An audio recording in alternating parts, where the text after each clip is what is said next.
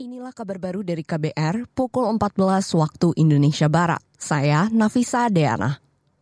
Presiden Joko Widodo memerintahkan aparat penegak hukum mengusut dugaan transaksi dana kampanye ilegal. Kepala negara ingin semua partai politik mengikuti aturan penggunaan dana kampanye. Ya, semua yang ilegal dilihat saja. Kalau nggak sesuai dengan aturan, ya pasti ada proses hukum ya semua harus mengikuti aturan yang ada. Sudah. Itu tadi Presiden Jokowi. Sebelumnya, Pusat Pelaporan Analisis Transaksi Keuangan PPATK menyebut ada temuan transaksi janggal di masa kampanye bernilai triliunan rupiah. Transaksi itu berlangsung selama April hingga Oktober, salah satunya diduga dari tambang ilegal. Data hasil temuan analisis itu sudah diserahkan ke KPU dan Bawaslu.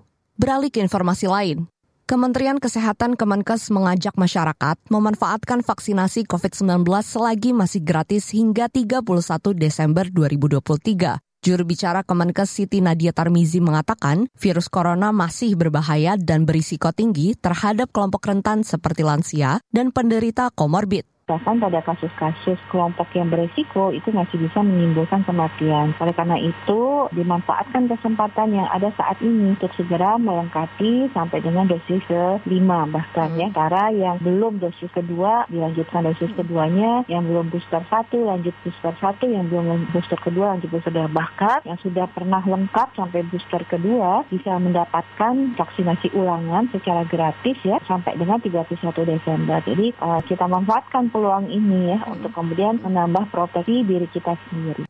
Juru bicara Kemenkes Siti Nadia Tarmizi menambahkan masyarakat dapat mendapatkan vaksinasi di puskesmas terdekat. Kata dia, untuk tahun depan pemberian vaksin akan mempertimbangkan kondisi dan rekomendasi dari Badan Kesehatan Dunia WHO. Bergeser ke berita mancanegara.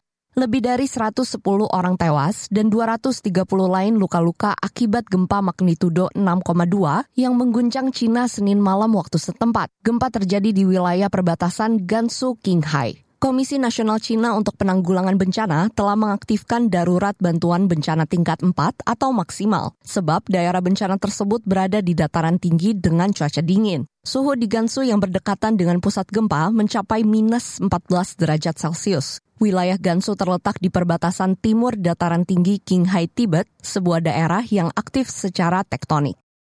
Demikian kabar baru dari KBR, saya Nafisa Deana.